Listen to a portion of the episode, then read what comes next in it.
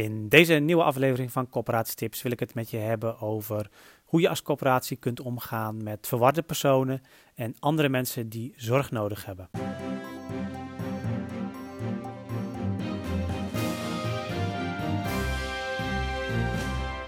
Ja, het is een vraag die uh, ontzettend uh, speelt op dit moment uh, bij corporaties. Ook als het uh, gaat bijvoorbeeld om een nieuw ondernemingsplan, dan, uh, uh, ja, dan kom ik regelmatig in discussies over dit onderwerp. Hoe ga je om met de instroom van mensen die zorg nodig hebben in je woningbezit? En dat zijn verschillende groepen eigenlijk, omdat het voor een gedeelte gaat om mensen die ook in woningen wonen, die ook echt als, als zorgwoningen zijn aangewezen, waar je die je misschien wel aan een zorginstelling verhuurt of waar je in ieder geval van weet dat daar uh, zorg verleend wordt. En voor een deel kon, uh, zijn het ook mensen die gewoon via het reguliere woningaanbod reageren en um, ja, al dan niet ook zorg ontvangen, maar in ieder geval zorg nodig hebben of zou, zouden hebben. Um, en het zijn allemaal groepen waar je als coöperatie op verschillende manieren mee om kunt gaan, afhankelijk ook van wat je takenvatting is en hoe ook je samenwerking is met, met andere partijen erin.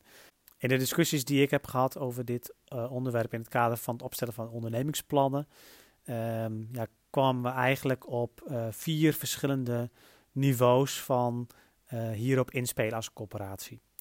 Het eerste niveau, eigenlijk het, het laagste niveau wat je kunt, zou kunnen doen als coöperatie, ook uh, beleidsmatig, is dat je zegt van we gaan alleen reactief reageren op um, ja, gevallen waarbij mensen die zorg nodig hebben ook echt uh, ja, voor overlast uh, of voor andere problemen zorgen. en dat wat ook een uitstraling heeft naar andere huurders. En dus op het moment dat je die signalen krijgt, dan, ja, dan, dan spreek je een huurder aan op het woongedrag. En um, dat is eigenlijk het eerste wat je kunt doen als coöperatie. Als je iets verder gaat, dan, um, ja, dan hebben we het vaak over de signalerende functie. Hè? Dus de, dan, dan ga je ook die signalerende functie meer invullen. Dus dan ga je op het moment dat je, um, ja, dat je signalen krijgt, nog steeds reactief, ga je die doorgeven aan naar de instelling voor wie het relevant is. Dus het kan een zorginstelling zijn, welzijnsinstelling, schuldhulpverlening, uh, politie misschien in sommige gevallen. Um, nou ja, wat het ook maar is.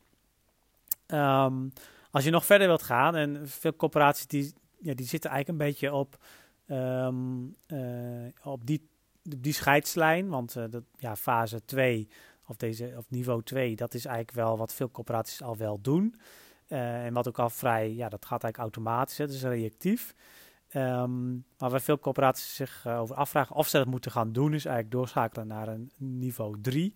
Waarbij je als corporatie ook echt actief op zoek gaat naar signalen. Dus waarbij je niet wacht tot een signaal uh, bij je komt omdat uh, een, een, een, buurman of een buurvrouw overlast ervaart of dat hij zich zorgen maakt. Um, maar dat hij echt zelf ook actief op zoek gaat naar deze signalen. En dat betekent dus dat je bijvoorbeeld je medewerkers daarvoor op gaat trainen. Um, dat je ook misschien eens wel specifiek medewerkers daarvoor in dienst gaat nemen. Die um, ja, bijvoorbeeld uh, op het moment dat de brievenbus uitpuilt van alle brieven die daarin zitten en niet, uh, niet gelezen zijn, dat, die, dat, dat, dat mensen dan, ja, dat, dat collega's anders gewoon gaan aanbellen en gaan kijken of ze kunnen achterhalen wat er nog meer wellicht aan de hand is. Um, vervolgens is het natuurlijk toch weer uh, ook signalen doorgeven.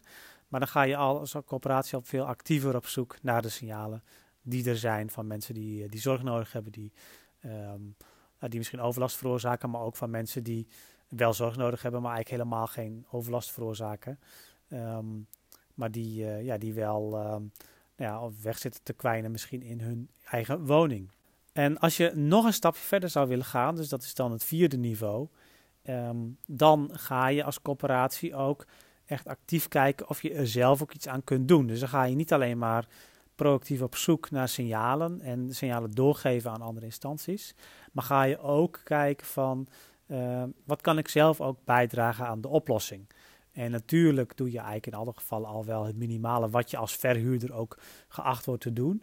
Um, maar er zijn ook voorbeelden van corporaties die veel meer de grenzen opzoeken van wat corporaties kunnen en mogen.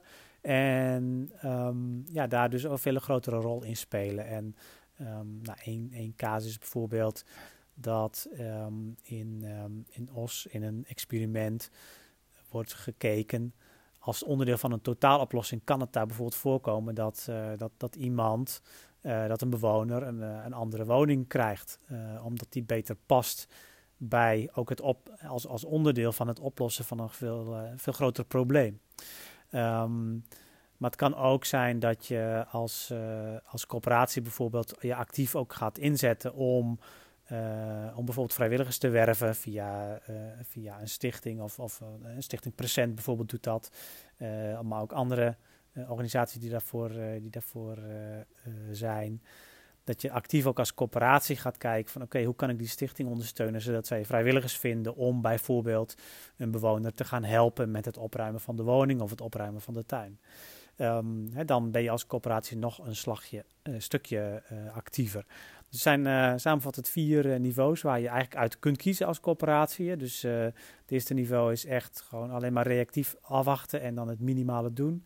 Twee is reactief wachten op signalen, die signalen wel doorgeven. Derde niveau is eigenlijk om echt zelf ook proactief op zoek naar signalen te gaan. En um, wat daar eigenlijk ook nog wel bij hoort, wat ik net niet heb gezegd, maar is dat je um, ook dan proactief als coöperatie um, de instellingen die er iets mee moeten gaan doen ook uh, opvolgt van of dat ook echt wordt gedaan. Zodat je ook niet alleen maar een signaal doorgeeft aan een zorginstelling, maar dat je na drie weken ook eens kijkt van goh, is er ook iets mee gedaan en wat is daarvan het resultaat geweest. En zo niet, uh, ja, dan ga je natuurlijk weer uh, opnieuw vragen om dat, om het toch weer onder de aandacht te krijgen. en het vierde niveau is dat je als corporatie zelf ook de grenzen gaat opzoeken van wat je kan en wat je mag om zelf ook een, een, bijdrage te leveren aan de oplossing van het probleem. Nou, welke, uh, voor welk niveau je gaat als coöperatie natuurlijk helemaal afhankelijk van je missie en je visie op dit soort uh, onderwerpen. En, en, ook, um, en misschien ook wel ja, de opgave die jij in je werkgebied hebt op dit gebied. En um, nou ja, dat is dus echt een keuze die je bijvoorbeeld in het ondernemingsplan maakt, maar ook in de uitwerking daarvan natuurlijk terechtkomt in, in wat het betekent voor je formatie, wat het betekent voor raakvlakken met ander beleid. Op het moment dat je ook met de woningen bezig gaat of met de mensen in gesprek komt, met de huurders in gesprek komt. En um, nou, dit is, geeft hopelijk een beetje een, een, inzicht in hoe je daar op verschillende niveaus naar kunt kijken. Bedankt voor het luisteren naar deze podcast. Wil je nieuwe afleveringen ontvangen? Abonneer je dan op deze podcast. En kijk ook eens op onze website corporatiestratege.nl voor meer praktische tips en downloads die jouw werk als corporatiestratege makkelijker maken.